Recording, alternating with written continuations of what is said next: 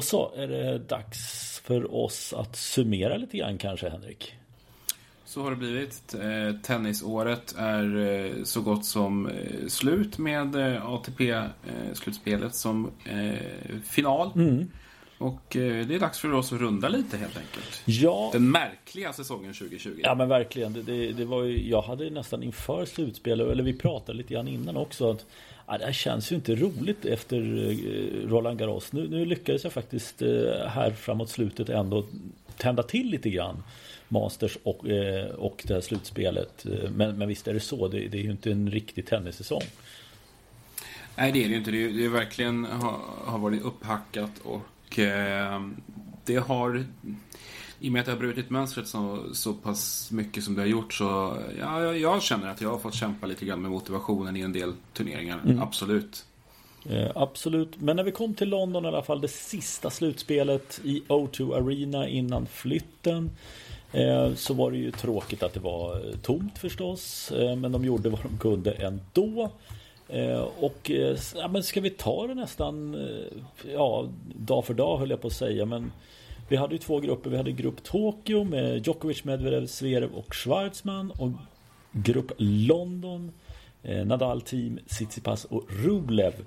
Eh, om vi tar Djokovic-gruppen först då eh, där på förhand så kändes det för mig var det ju Djokovic och Medvedev var faktiskt också den jag trodde mest på, på hans form som han kom in i.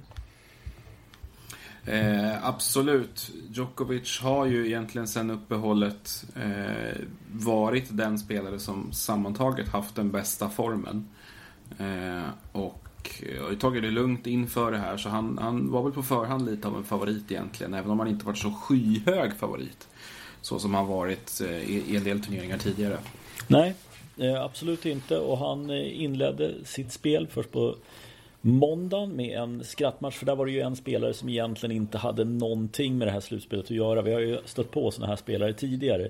Eh, I år var det Diego Schwartzman som inte fick med sig någonting från, från det här eh, gruppspelet mer än en erfarenhet. Eh, och han, ja vad fasiken har du tagit dit och är du förtjänt av det också. Ja, han är ju verkligen förtjänt av det. Han gör sitt livs säsong, han har slitit hela vägen.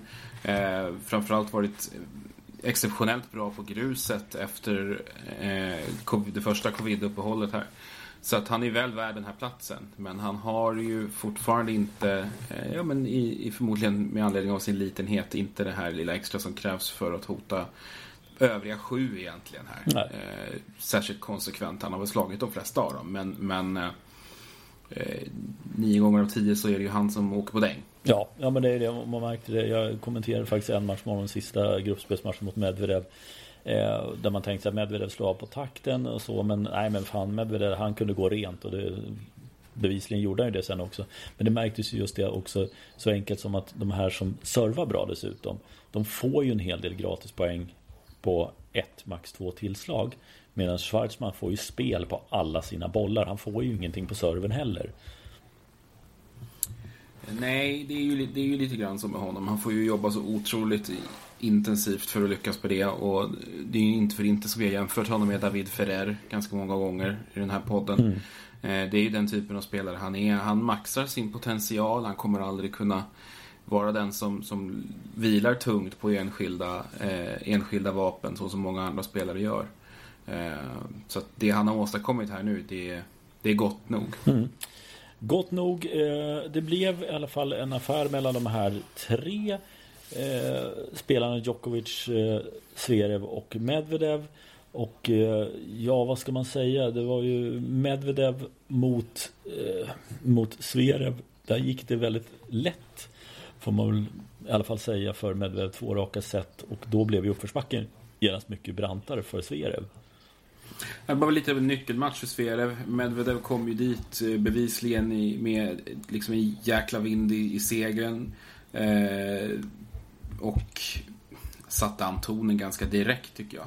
Han hade den här, han har ju liksom en, en formstark Medvedev har ju någon slags swagger kring sig. Hur han, han går liksom lite mera upprätt och, och är sådär kaxigt obrydd om, om tillvaron. Och bara gör sin grej där ute, spelar sitt spel. Eh, det finns ju någonting betydligt mer bekymrat kring hela Alexander Zverevs uppenbarelse i jämförelse med Medvedev. Ja. Oavsett om han är i form eller inte. Det är som att det alltid lurar problem runt hörnet. Medvedev, Medvedev uppträder ju liksom som att han inte har ett enda problem i hela världen. Han är orubblig. Ja, men det är han. Och när det kom till eh, matchen mot Djokovic som jag eh, tittade på och det var fullkomligt sanslöst vad han spelade i ett och ett halvt set. Alltså, det var, eller han spelade egentligen hela matchen. Det jag tyckte var att Djokovic slog av på takten när han insåg att det här blir för, för tungt för mig att vända och vinna. Jag lägger min kraft på att vinna den tredje matchen. Så åtminstone upplevde jag det så. Men Medvedev var helt läskigt bra i den matchen. Ja, jag håller med. Det är kanske den bästa match som, som jag sett Medvedev spela överhuvudtaget. Det är, eh, tycker jag, han, han vi, vi, har pratat om hans US Open eh, och det som ledde fram till US Open-formen där mm. förra året. Mm. Eh, det, det, är, det är klass med den. Mm. Eh, det är väldigt få spelare där ute som kan gå ut och platta till en Novak Djokovic som är i någorlunda form. Ja, men, så som han gjorde han, det. Han hade ju inga svar Djokovic. Han, han, kunde inte hitta hål. Svar hade han, men han kunde inte hitta hål på Medvedev. Och jag, jag fick också den här känslan. Medvedev, det här är också för mig, om vi backar till Wawrinkas stora dagar. Det är lite mm. samma sak. Här är en kille som kan öka tempot när tempot är så snabbt och göra det för svårt för Djokovic. Och det är liksom inte... Eh, nej, det, det, är så oerhört sällsynt. Och eh, det är så grymt imponerande att klara av att hantera de här ah, tempoväxlingarna och, variationerna i, i matcherna också. Det, det är grymt att se alltså. Ja, och det finns någonting med Medvedev som gör att, att han följer ju liksom inte samma mönster som andra spelare. Alltså det finns ju... Om man vill hårdra det så känns det nästan lite grann ibland som att han trotsar fysikens lagar. Alltså det sättet han kan han kontrar på och sättet han hämtar fart i, i sina liksom, motståndares slag. Eh, det ska ju egentligen inte gå att göra på det sättet. Nej, eh. men, men här hade Maria Strandlund och, och eh, Jonas Björkman var inne på den i, i finalen. Och det, det, kan jag liksom verkligen stryka under på. Det, han har ju, det har vi varit inne på också, just med hans teknik är ganska, ser hemsnickrad ut. Verkligen. Det och det tror jag, och det var de inne på också, att det kan göra att spelet blir lite mer svårläst också. För att han är inte, mm. spelar inte konventionellt så som alla andra gör tekniskt. Nej, men det gör han ju, det gör han ju inte. Jag, jag håller med om att det finns, det finsk en uppenbar svårighet i att se vad det är som kommer från honom. Mm. Men framförallt också eftersom att han blandar in liksom rena konstslag. Kanske liksom, jag, menar, jag snackar inte tweeners och stoppbollar och sådana saker. Utan mera de här absurda vinklarna och den här sjuka farten. Mm. Som man kan hämta ur nästan ingenting. Mm. Det gör honom ju ännu mer oförutsägbar. Och sen att han spelar lite halvknasigt. Det, nej, han, är, han är en mardröm att möta när han är som, som allra bäst. För det kan man ju ändå känna med, med, med Djokovic att alla känner honom så bra. Du vet precis vad som kommer ifrån honom.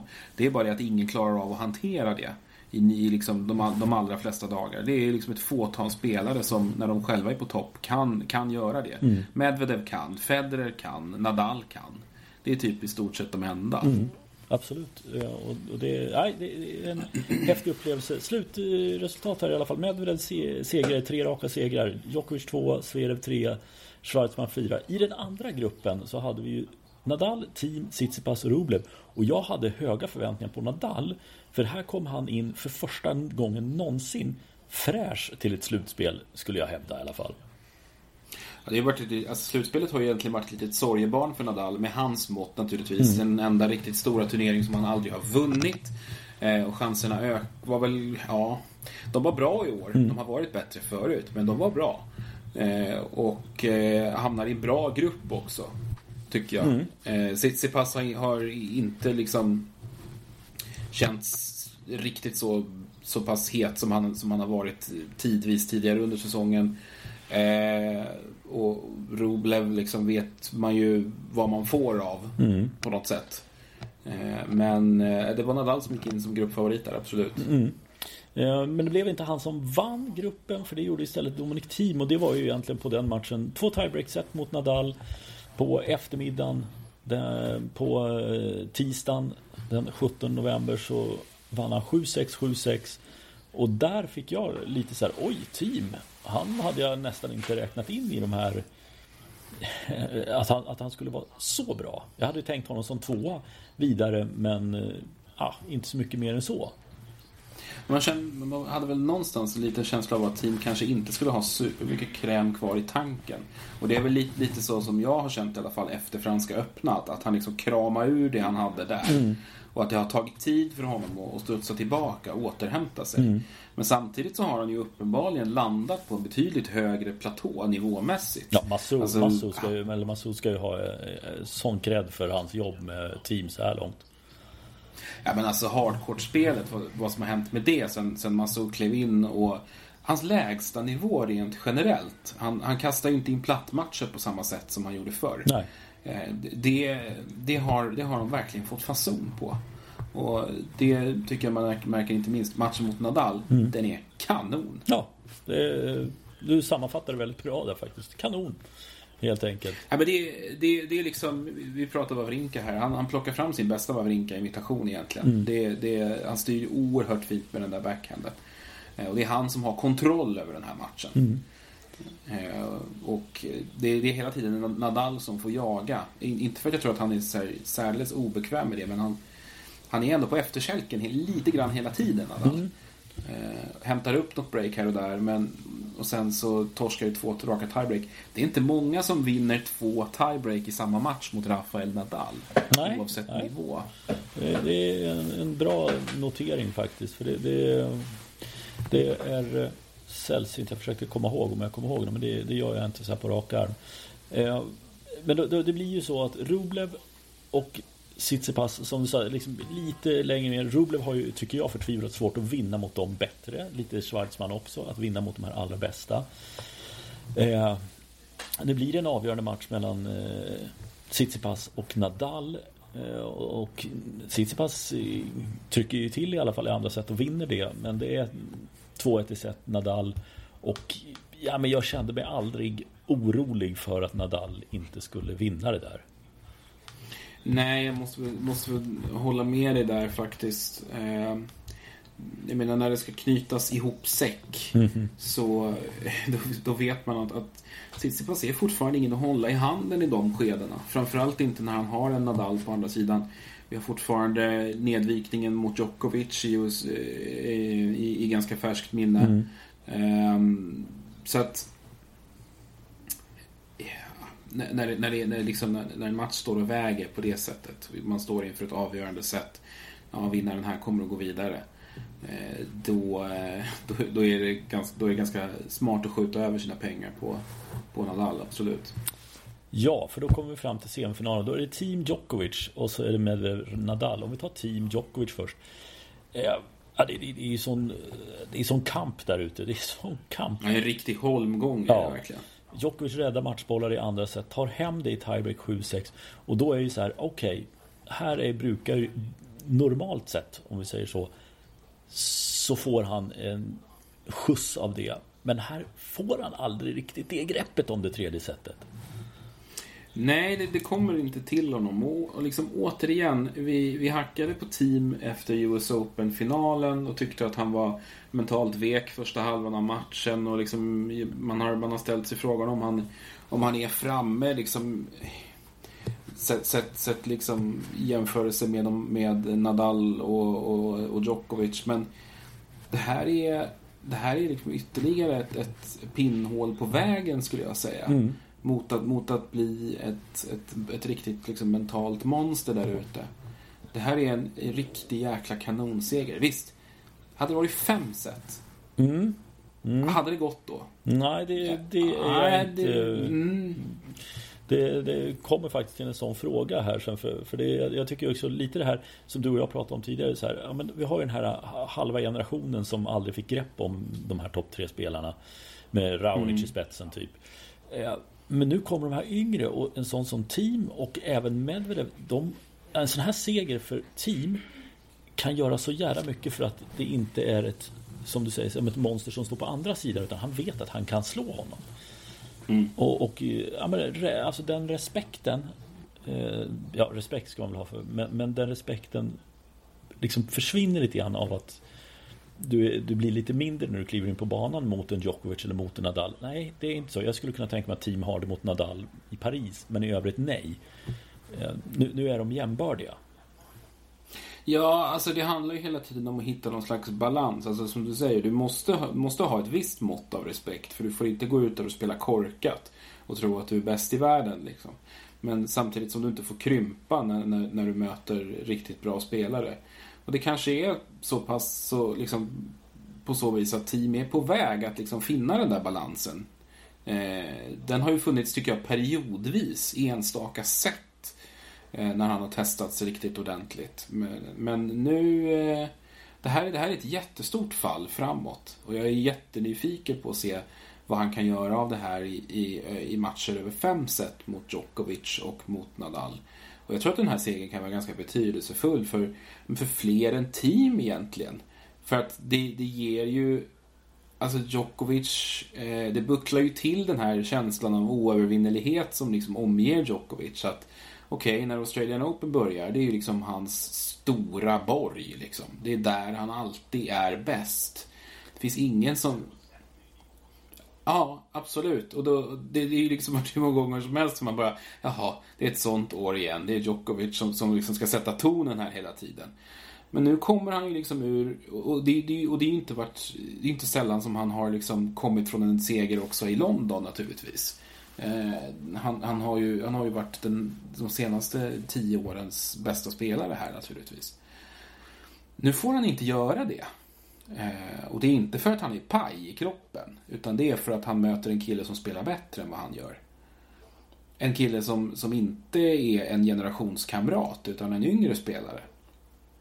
Och det, det, det blir intressant att se vad det gör liksom som sagt, inte bara med teams mentala förhållande till Djokovic utan med de andra spelarnas mentala inställning till honom. Mm. Och, och, även kanske till och med också ska lägga in Djokovic. Vad gör det med hans mentala? Han har ju varit kung. Och nu börjar det komma liksom lite frågetecken. Är det något som sätter griller i huvudet på honom kanske? Det är ett så märkligt år det här egentligen för honom. För att sammantaget så har han ju varit ganska överlägset bäst. Eh, han har, han, har, han har varit... Samlar man ihop allting som har hänt under 2020 så är det Novak Djokovic nummer ett. Punkt. Det, det, det, går inte att argumentera mot det. Samtidigt så har han en hel rad misslyckanden bakom sig här nu. Han, han eh, sköt bort sig i US Open bokstavligt talat. Han blev makalöst tillplattad av Rafael Nadal i Franska öppna finalen. Eh, liksom skickad 10-12 år tillbaka i tiden egentligen. Och sen, och sen eh, får han inte vinna slutspelet heller. Nej. Där han är favorit. Nej. Det, jag, är, nej, det, jag är med dig där. Eh, vi tar nästa semifinal Medvedev-Nadal. Och där vänder Medvedev 0-1 i set. Vinner tiebreak i andra och sen spelar hem det tredje. Och ja, det, det, det är bara... Jag, alltså, det, jag, vet inte vad jag ska säga om det där. Alltså, för det, det, ja, Fan vad bra du är. Ja. men det, det, är svårt att hitta liksom här, riktigt liksom ja, men nyckelpunkter i, i matcherna. Alltså som han gör riktigt bra. Han är bara sammantaget så jäkla svårslagen. Eh, och, och sen det i kombination med, med den här känslan av att inget rör honom. Och han slår Novak Djokovic och han slår Rafael Nadal i samma turnering. Ettan och tvåan i världen. Ja, och det, det var inte... Har vi en lista ja. på hur många det är som har gjort det? Det är två stycken tidigare som har lyckats med den bedriften. Uh, nu ska vi se om vi inte hade... Jag tror det var i Stockholm till och med som var, var det som hände. Vi ska se här. Jo, i Stockholm var det. Det var Stockholm Open 94 var det. Eh, då vann Becker över eh, de topp tre. Då slog Becker alltså Edberg. Länder, han var tvåa själv och så slog han Lendl och Agassi så 3-4 var det där då. Eh, nej, vad fan, förlåt. Jo. Nej. Nej, nu ska vi se. Nej, jag har inte vilka han slog där. Så har jag inte. Jag bara att han... Att han vann där 94 och så var det Två gånger hände 2007 förresten. Djokovic i eh, Kanada och Nalbandian i Madrid. Så det är fjärde gången det har hänt sedan 1990. Just det. Och Och eh, Nalbandian slog väl, slog han inte Nadal, Djokovic och Federer i samma turnering? Ja, det skulle kunna varit det faktiskt. Ja. I, för han, när han vann i Madrid. Ja, det tror jag han är ensam om att göra. det är helt otroligt alltså. Det är... Det är helt otroligt. Det säger också någonting om... Eh, det var länge sedan vi pratade om Nalbandian faktiskt. Men, men eh, det säger någonting om vilken exceptionell jäkla nivå han höll. Ja. När han var som allra bäst. Absolut. Jag ska flika in det. Det, det jag hade där det var faktiskt att det, det var tredje gången som det hände att ettan, tvåan, trean, fyran gick till semifinal i slutspelet. Eh, för det hade bara hänt två gånger. Det var 90, då var det Edberg, Becker, Lendl, Agassi. 2004 var det Federer, Roddick, Hewitt och Safin och så nu 2020 då. Ja. Eh, Där ser man. Eh, Det var sidospår där. Men i finalen så tar vi där och Medvedev, då vänder han igen och vinner tiebreak i andra set. Och så skaffar han sig ett break i tredje mot team som inte... Ja men han spelar inte dåligt men han hittar liksom inte det där lilla som behövs för att komma tillbaka. Nej, precis. Eh, och, och lite, lite så känslan som, som har varit med Medvedev genom hela turneringen. Trots att han tappar set så tappar han ändå in, inte initiativet. Han, han eh, tappar inte kontrollen. Nej. Han är, han är, han är samlad och eh, upplevs i alla fall inte från min sida som orolig. Nej, nej men han, han, han är ju så otroligt... eh, Ja, men mentalt, ja, men han tappar ju inte. Det är inget inge energiläckage eller någonting sånt. Och jag, jag tror en, en del i det hela faktiskt, om man nu tar, nu har ju inte han varit så här super, ja i och för sig, vi har ju US Open-publiken där, men det, det tände honom snarare än sänkte honom där. Han, Mm. eh, men, men jag tänkte, som också är rätt intressant det här med, med att linjedomarna var borta. Eh, det var ju oerhört mycket, det är ju inget tjafs utan det är bara pang på nästa, Mm. nästa boll. Vilket är Det blir ganska... väldigt effektiv tennis. Ja, och det här tror jag, det här kommer nog vara kvar för att stanna. Ja, det tror jag också. Det jag har svårt att se att man plockar in linjedomare på inomhusbanor. I alla fall inte de större turneringarna. Det tror jag inte. Nej, Nej jag, jag, jag, jag, jag tror det också. Det, det funkar lite för bra Ja, det här egentligen. För, för, att man ska, för att man ska göra det. Ja det gjorde det. För man såg ju det. Ja, men det var som sagt ing, ing, ingenting. Det var någon diskussion om dubbelstuds där man kunde utmana och göra en sån review. Vilket var, ja men det var ju en rätt kul grej att, att göra. Ja, smart. Ja, Mm. men, men själva, nej, själva spelet det, blir, det tar ju bort hela det där och väldigt intressant också att se att eh, ja, men handduks ovanan f- sjönk ju. Det var inte lika mycket springa ut och, och leka med snuttefilten utan det var, Nej. inte ens Nadal gjorde ju det speciellt mycket. Nej, nej det, det, det är ju bara en vanlig sak egentligen. Ja. Och det, det känns som att spelarna ganska snabbt har anpassat sig till det här och förstått att eh, det, det, är inte, det är inte så jävla jobbigt att torka sig i fejan själv. Nej, nej precis. Det, det går det också. Men det, det var det sist på. Men alltså, vi har ju egentligen liksom sagt allt som går att säga om Medvedev. Ja, men det, det är för Ja. jävla bra helt enkelt. Ja, och eh, som sagt inget vågat påstående som jag skrev på Twitter med. Han, han kom, jag tror han kommer att vinna en slam nästa år om vi spelar alla fyra. Mm. Eh, US Open tycker jag framförallt känns som hans, eh, hans stora chans att ta hem något. Eh, det, och det borde, det borde han nästan kunna göra om inte Djokovic är sådär eh, underbart överjävlig som han kan vara. Mm. Men, men han är... Eh, det, det, det har varit ett, en intressant höst på det sättet för att han och team har verkligen seglat upp nu i särklass bakom Djokovic och Nadal.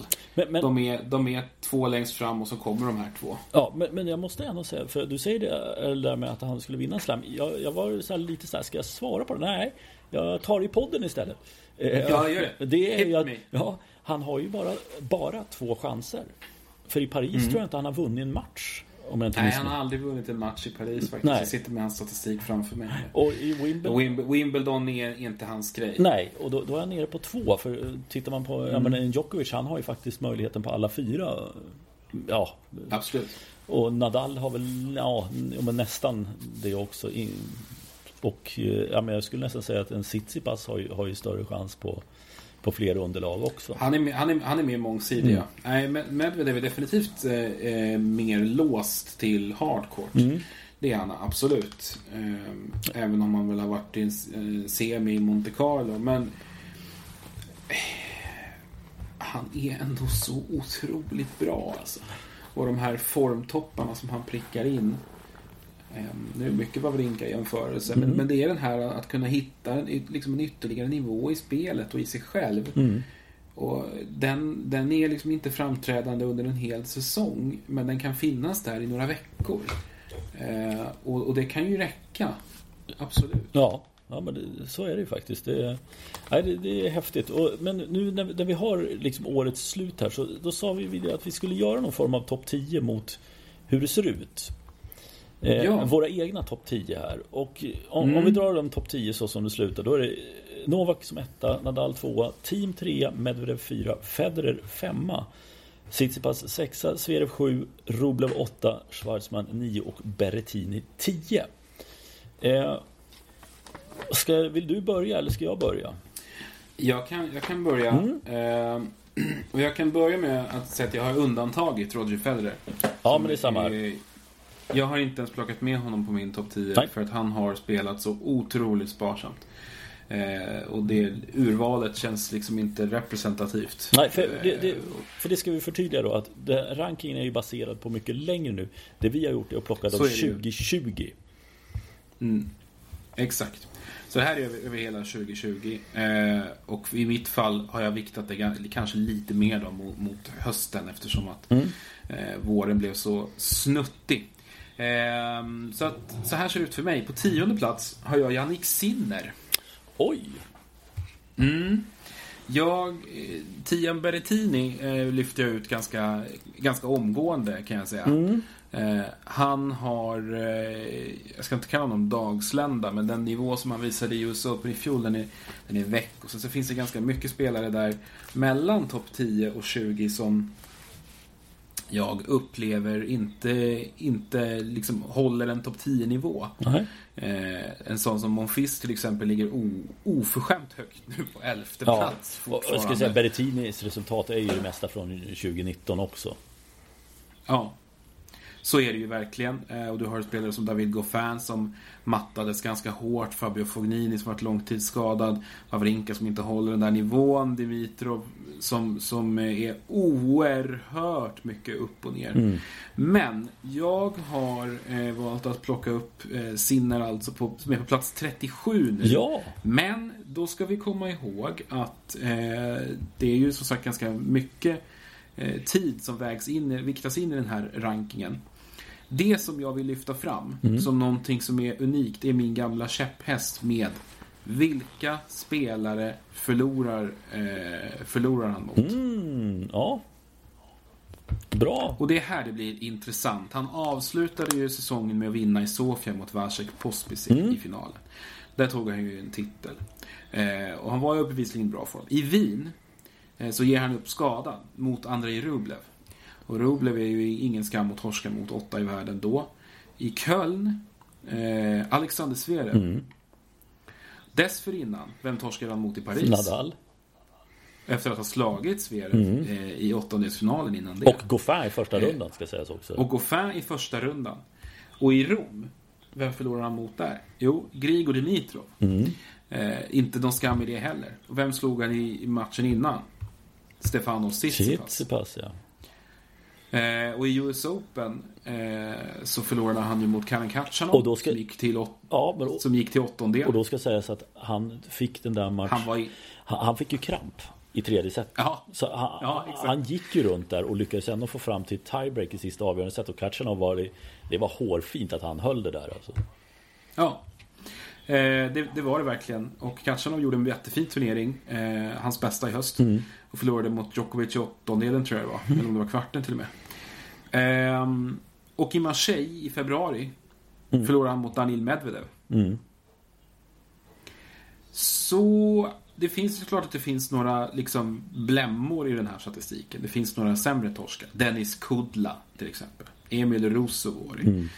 Eh, Salvatore Caruso. Naturligtvis. Men jag tycker att det här är så pass intressant att han har, jag vet inte om jag ska säga otur med lottningen, men han har varit, eh, han har slagit väldigt mycket bra spelare.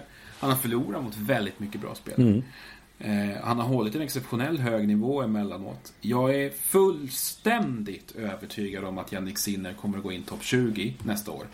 Om man är hel. Alltså, om han är hel, ja.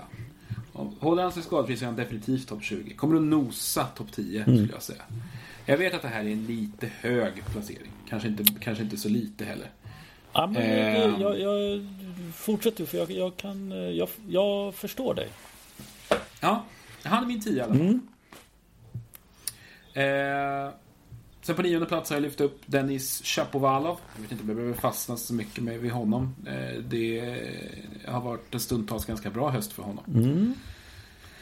Eh, även om det finns mer att hämta där också. Eh, Schwarzman 8, Rublev 7. Är jätteimponerad av Andrei Rublev. Eh, där har vi också en som max, maxar sin potential och som verkligen går till jobbet hela tiden. Blivit en riktig vinstmaskin. Mm. Eh, sen kommer det tunga gänget för mig med Alexander Zverev på sjätte plats, Tsitsipas eh, femma, Medvedev fyra, Team trea, eh, Nadal tvåa, Djokovic först. Inga konstigheter i toppen där egentligen. Vad sa du topp tre där? Vad hade du? Novak etta, Nadal tvåa? Nadal tvåa, Team trea, oh, Medvedev fyra. Ja. Mm.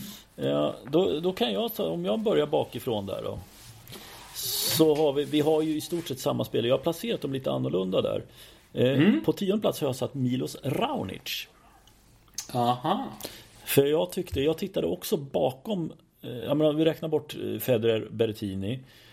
Så hittade jag så väldigt lite bakom. Men så när man gick igenom Raonic år, då är det inte dåligt alltså. Det är, en, kvart, han börjar liksom kvart i Australien. Han är semi Delray Beach. Han är final i Cincinnati.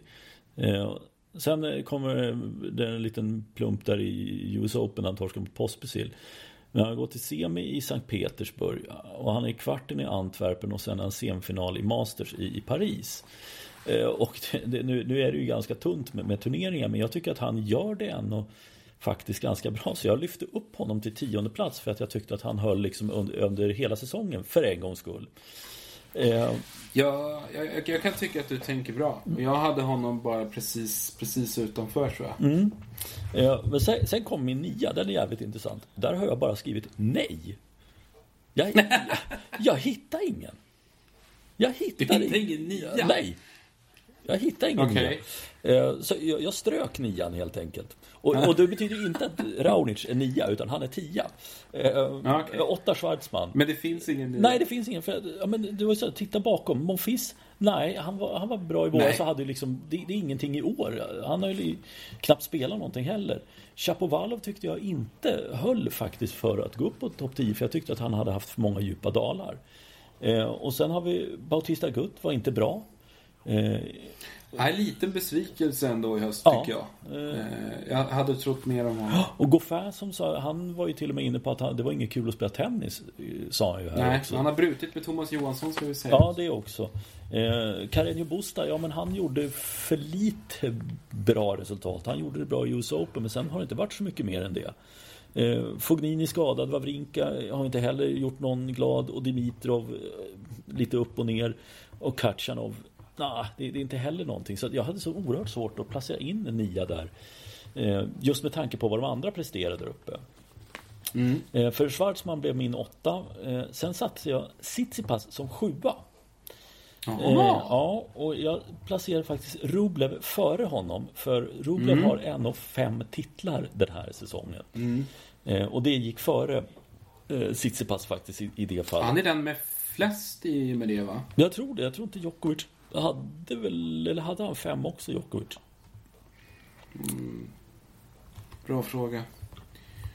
Eh, det kan vi ju ganska snabbt kolla upp. Jag tror inte att han hade så många faktiskt. Fyra. Fyra ja. Rublev, Rublev är värst. Ja, eh, så Rublev eh, sexa då. Sen satte jag Medvedev som femma. Mm -hmm. Och det är för att han hade ett man glömmer bort att han, han hade en rätt ordentlig svacka. Eller han var inte så otroligt bra under stora delar av säsongen så som han var här på slutet. Men det är bara för mm. att det är det färskaste i minnet. Det gör ja. han helt makalöst bra. Men under Absolut. hela säsongen så, nej, då, då satte jag honom som femma. Jag satte Zverev som fyra. Eh, det är en av två titlar, back to back dessutom, eh, imponerande. Final i US Open, semi i Australien. Ja, eh, det. Och sen satte jag Nadal som trea faktiskt. Okej. Okay. Mm, eh, tror eller ej, men eh, där kände jag ändå att jag lyfter upp team på andra plats för han vann US Open. Eh, och sen går han till kvarten efter det i Paris, vilket är väldigt starkt. Eh, och sen då final i slutspelet. Så att eh, jag, jag lyfte team till andra plats faktiskt. Ja, eh, och jag antar att Djokovic eh, är den som du har där allra högst upp. Ja. Ja, jag tycker det är en intressant tanke. Jag har nog värderat Nadal eh, lite högre i och med att grussäsongen blev så kort. Mm. Att, att, att man viktar den lite tyngre liksom. Ah, för, okay, för ja. att, I och med att han vann den. Det blev inte så mycket poäng fördelat på den liksom. Nej. Men det har varit väldigt mycket hardcourt i år. Så är det ju. Ja. Och, och det, det, ser man ju liksom på de, en del spelare som ligger där uppe nu. Eh, som, som ju trivs där. Liksom Roblev, hans fem titlar. Han hade ju inte varit den som hade stått med allra flest titlar kanske om vi hade spelat en hel säsong. Nej, nej det tror jag inte. Han hade varit där uppe i toppen, absolut. Han spelar ju Mm. mycket. Men, men som, nej med flest titlar, nej det hade nog funnits någon annan som konkurrerar om det. Någon som hade snikat åt sig ett par, tre, på, tre fyra 250 turneringar på grus. Högst sannolikt. Ja, men, eh, men det, det, är ju, det är ju helt rätt i det att det, där har inte jag, jag viktade inte det så pass tungt som man kanske, nej men det är en intressant reflektion. Det är bra att vi, tänk, vi tänker, eh, tänker olika i alla fall, lite grann. Ja, ja men där, Mm. där har vi, men vi är överens om, om Novak etta ändå och jag tror ju han hade vunnit Absolut. US Open om inte den där eh, olycksaliga bollen hade farit. Det tror jag också. Eh, Det tror jag också. Mm, men det får vi aldrig reda på. Nej. eh, Du, sen tycker jag, sen ska vi stanna vid en spelare där som har varit lite i blåsväder som eh, Som dessutom några veckor innan det signades upp av Stockholm Open. Eh, Mm. Alexander Zverev. Ja, Alexander Zverev har ju... Eh, det var- mycket, det var mycket på en gång först. För det började med att det var en, en tidigare flickvän som meddelade att hon var gravid och att det var Alexander Zverev som var far till det barnet. Japp. Eh, det överskuggades dock ganska snabbt av en annan tidigare flickvän som gick ut och anklagade honom för misshandel. Eh, presenterade sms-konversationer och bland annat som, som bevisning och gjorde, in, gjorde en intervju med eh, New York Times, Ben Rothenberg. Där hon berättade om det här. Eh, så att det, det, det är ganska rediga anklagelser. Eh, Det finns ju ingen anledning att betvivla dem naturligtvis. Nej, för, Utan... för, för ja, det, det som jag reagerade på med det var att hon gick ut med den på sociala medier först själv. Mm. Och det var ju inga anspråk på att hon ville ha pengar eller någonting sånt. Utan det här, det här ville hon bara få ur sig och det hade tagit väldigt Ja. lång tid för henne att processa det här. Vilket verkligen, om allting stämmer, eh, så liksom, verkligen all respekt för att det är inte något som man bara slänger ur sig dagen efter det har hänt. Och speciellt när man har haft ett förhållande tillsammans. Så eh, jag tycker också att det väger väldigt tungt och eh, Ja, det får även den här barngrejen lite grann tycker jag. Alltså nu, nu är det ju spekulativt. Men mamman till då hans senaste flickvän där som är gravid med hans barn. Hon har ju sagt att hon vill inte att han ska ha någonting med det här barnet att göra överhuvudtaget. Utan det är hon som kommer uppfostra det här barnet. Mm. Eh, han har ju sagt att han ska ta ansvar för det medan hon var liksom bara helt avvisande. Och det kan man ju också fundera över varför, varför då. Eh, Ja, alltså ingen av oss vet ju liksom exakt vad det är som har utspelat sig här. Men det, men det är ju naturligtvis förbaskat allvarligt liksom när den här typen av anklagelser kommer och, och särskilt när det verkar som att personen som kommer med dem har, har så pass redigt på fötterna. mm, Och som sagt, det som är lite allvarligt då är ju egentligen tycker jag att det finns en eh, det, här, det här har mötts med, en- med väldigt likgiltighet från tennisvärlden i stort.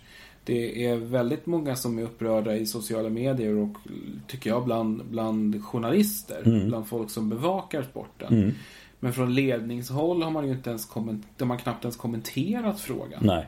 Eh, det har väckts nu lite frågor. Andy Murray och Novak Djokovic har väl liksom nämnt att det borde kanske finnas någon domestic abuse policy och något program kopplat till ATP. Mm, Men man har ju, det är ju inte så att man har liksom gått i bräschen i den här frågan och så liksom att man, någon egentligen har, har velat driva det här och ta tag i det på allvar. Jag menar vi har fortfarande en spelare i Basilashvili som har ett besöksförbud utfärdat mot sig från sin tidigare fru. ja. Han spelar som om ingenting har hänt. Ja. Den, saken, den rättssaken pågår väl fortfarande.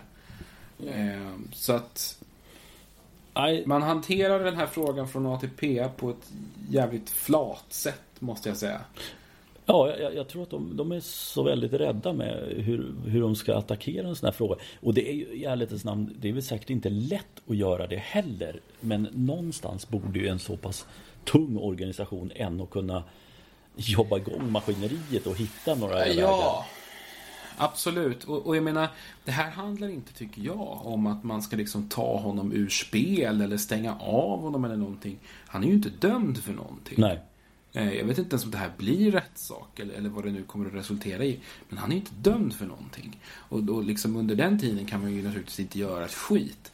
Eh, liksom i, i, när det kommer till sådana saker. Men, men man kan ändå markera att liksom ändå skriva, liksom skulle jag säga en sån sak som att från ATPs sida vill, vill vi naturligtvis liksom aldrig på något sätt främja den här typen av beteende eller ställa oss bakom någon som gör, gör den här typen av saker. Vi står redo att erbjuda honom om han behöver liksom hjälp för att mm. förändra sitt beteende. Skulle det vara så att någon av våra spelare skulle behöva hjälp med det här och det här, mm. då finns vi här och vi liksom, som det skulle funka till en, liksom en nordamerikansk idrottsliga till exempel. Mm. De har ju substance abuse-program och allt möjligt. Liksom. Men, men det här är så fruktansvärt eftersatt i den här sporten. Mm. Eh, det, det, det är som att spelarna liksom är liksom lämnade vind för våg när det gäller sådana här grejer. Jag vet inte ens vad man har för, för liksom program för, för liksom spelare som... För det är klart att det har funnits spelare som liksom har missbruksproblem och som liksom har hamnat i våldsamheter. Och, och, men jag kan inte minnas att man, att man har tagit tag i det på något sätt nej, egentligen. Nej, och, du, liksom... och, du har ju en grej som är kanske mer vanlig. Eh, det är väl eh, vad heter det, spel, spelmissbruk. Ja. Så att, nej men det, det, finns en hel del som de skulle kunna ta tag i i den där organisationen. Eh, och det, jag, jag, jag, också, jag, jag är märkligt att det är så tyst kring det hela. Som du säger, Murray brukar ju kunna vara ute och ha både vettiga och en del som jag inte håller med om. Men jag tycker ändå att han är väldigt, ofta väldigt tydlig med vad han tycker. Och det ska han verkligen mm. ha all respekt för. Men i det här fallet, mm. men det kanske är just att det är så svårt det här för att de Ingen, ingen, ingen vågar riktigt. Men, men, som sagt, jag tror det hade varit en sak om det här hade varit så News of the World hade smält upp det här. Och, oh, och, och någonting att hon skulle stämma honom på 100 miljoner dollar. Men det, har, det är ju ingenting sånt. Och, och hon har ju liksom i mitt tycke inget att vinna. Eller, varför ska hon göra det här? Varför gör hon ja, det här? Nej. Nej, det, det, handlar, det handlar väl liksom bara om att göra det som hon tycker som hon upplever rätt. Ja. Med, med, med, att få tolka fritt. Liksom. Som sagt, det är inga pengar inblandade Nej. Med, överhuvudtaget. Hon har inte krävt honom på någonting. Hon har inte begärt någonting av honom egentligen. Nej. Hon bara vill ha ut sin berättelse. Ja. Och... Eh, och, ja. och det finns ju ett problem till i det här och det är ju att Stockholm Open har signat upp Alexander Zverev på två år. Mm eh, som affischnamn. Och, eh, och där är man ju eh, nyfiken på hur de eh, kommer att hantera den här frågan. Ja, alltså ja, men om man tittar på ATP så har man ju svårt att se att det kommer att hända någonting. Och det är, och det är väldigt svårt också att göra det som arrangör. Det här signades mm. ju, ska sägas, innan det här kom fram. Ja. Och, ja, men, och det, det, han är ju ett affischnamn för den tennis som han presterar. Mm. Och det går ju liksom inte att säga någonting om. Och det, det, men, nej, nej. Det kan ju ingen ta ifrån honom nej, naturligtvis. Men eh, som sagt, det, det, kommer nog bli skriverier i samband med att han kommer hit. Ja, det är ju en väldigt lätt rubrik att sätta. Mm. Det är en mm. enkel artikel att skriva. Jag har gjort sådana själv. Mm. Det, det, det, är inte, det är inte alls komplicerat. Det är ett, är effektivt nyhetsarbete. Ja. Eh, och jobba på det sättet. Och jag, jag, tycker att man ska ta sig en funderare på om det är värt det. Eh, faktiskt. Eh, och, och, det är frågan om man liksom, som det är nu kanske man inte har möjlighet att krångla sig ur ett, sånt avtal med Sverev. Eh, men det vet inte, det kanske man har. Kanske är så att man kan åberopa att förutsättningarna har förändrats så pass. För att eh, det, det, har ju ryktats en del här nu de sista veckorna om att det är många sponsorer som har dragit öronen åt sig nu gällande honom. Mm. Och, och, avslutat samarbeten eller undersökt möjligheterna att göra det. Mm. Eh, och det är, det är fullt förståeligt. Ja, det, ja, det vill man ju inte Det här är ingenting med. som någon vill associeras med. Det gäller ju Stockholm Open också naturligtvis. Ja, ja, ja fortsättning följer i den frågan. Eh, Verkligen, men det vi vill absolut understryka här det är att framförallt så tycker jag så är det liksom allt ska inte landa på Stockholm Open. Det, ska, det, det är ATP ska fram, och Alexander Zverev själv mm. eh, ska, ska ta sitt ansvar i den här frågan. Ja. Mm. Eh, det hade väl en grej till som vi tittade lite på där. Jag eh, snubblade över en intervju med Andrea Galdensi, ATP-bossen. Mm. Som eh, hade en ganska lång intervju här i Sport Business. Som var, ja, men var väl ganska intressant. Men jag saknade några delar i det. Det var att han var ute och pratade mycket media att vi måste förpacka vår produkt bättre och Ja men att titta på, ska vi utöka mastersturneringarna till 11 dagar allihopa. Det är väl bara det är några få som gör spelare. Det är väl Vårsvingen va? Som har ett sånt spelschema. Mm. Um, I USA ja, mm. Indian Wells och uh, Miami. Miami. Uh, och sen om man kunde kombinera fler, även kanske titta med VTA. Som man sa att problemet med VTA är att de är viktade rätt tungt mot Asien. Uh, mm. Och det, det, gör det ju svårare för deras pengar har funnits där borta. Ehm, men sen just det här med 11 dagars och då skulle det vara tillåtet att ha en 250 turnering vecka två och det kände jag bara så här. Men det är ju Ja, jag vet inte vad. Vilka affischnamn ska du sälja in på de 250 turneringarna? Det... Ja, ja. Benoit Per kanske. eh, det är ju den, den kategorin spelare som i så fall kommer att bli tillgängliga. Ja. Alltså, det, det här är ju ett problem som vi har återkommit till ganska många gånger i den här podden. Att, att eh, 250-turneringarnas status devalveras ja. hela tiden. Ja. Det, det, blir, det blir bara mindre och mindre engagemang och intresse kring dem och de större spelarna, de bryr sig ju inte om dem. Jag menar, ska vi, tittar vi krasst, vilka 250-turneringar är det som lockar riktigt bra spelare? Ja, det är Doha och det är Brisbane mm. egentligen. Ja. Och sen är det möjligtvis så att, att någon eh, riktigt bra spelare vill lira en hemmaturnering. Men, men det är inte... Alltså... Ja, nej, det är, det, det är ett stort problem de har, men jag tror inte att det där är lösningen. Nej, det, det tror inte jag heller. Men sen var han inne på att man skulle försöka få ihop allt så att allt ligger under samma tak. Att man inte ska behöva, nu pratar jag internationellt då, att du behöver fyra olika abonnemang för att följa tennisen under ett år. Och det kan jag ju hålla med om att det vore enklare att ha allt. I Sverige har vi ju samlat i stort sett på ett ställe i och med att Eurosport har mm. både ATP och Grand Slam turneringar. Men så är det inte i många andra länder och det är ett problem. Och det, det kan jag ju hålla mm. med om att det gör det ju svårt att distribuera tennis på ett smart sätt. Eh, mm. men, men det jag tycker han undviker där lite grann, eller han, han var inne på det lite för han hade med Eh, Eh, under U21-slutspelet som han har sagt, där slänger man upp lite testballonger. Och det har ju vi fått se nu till exempel här med handdukarna i hörnerna och linjedomare som inte finns längre utan Hawkeye Live systemet. Vilket det är ju saker som ja, men det, det kommer nog att leva vidare. Eh, men också, men det måste ju hända någonting mer för vi har varit inne på det här med 2.50-turneringen. Kan man göra någonting annat? Vi måste hitta någonting annat. Något annat format helt enkelt. Ja, och det, det, är, det är frågan om vad, vad de ska göra. Jag, jag har inga så här superbra idéer på rak arm faktiskt. Ja, eh. Mina käpphästar det är nästan så här kortsätt och eh, kanske testa ett eh, startfält med bara 16 spelare och börja på onsdagen mm. eller torsdagen. Ja. Det, det, är mina enda som jag har så på rak arm.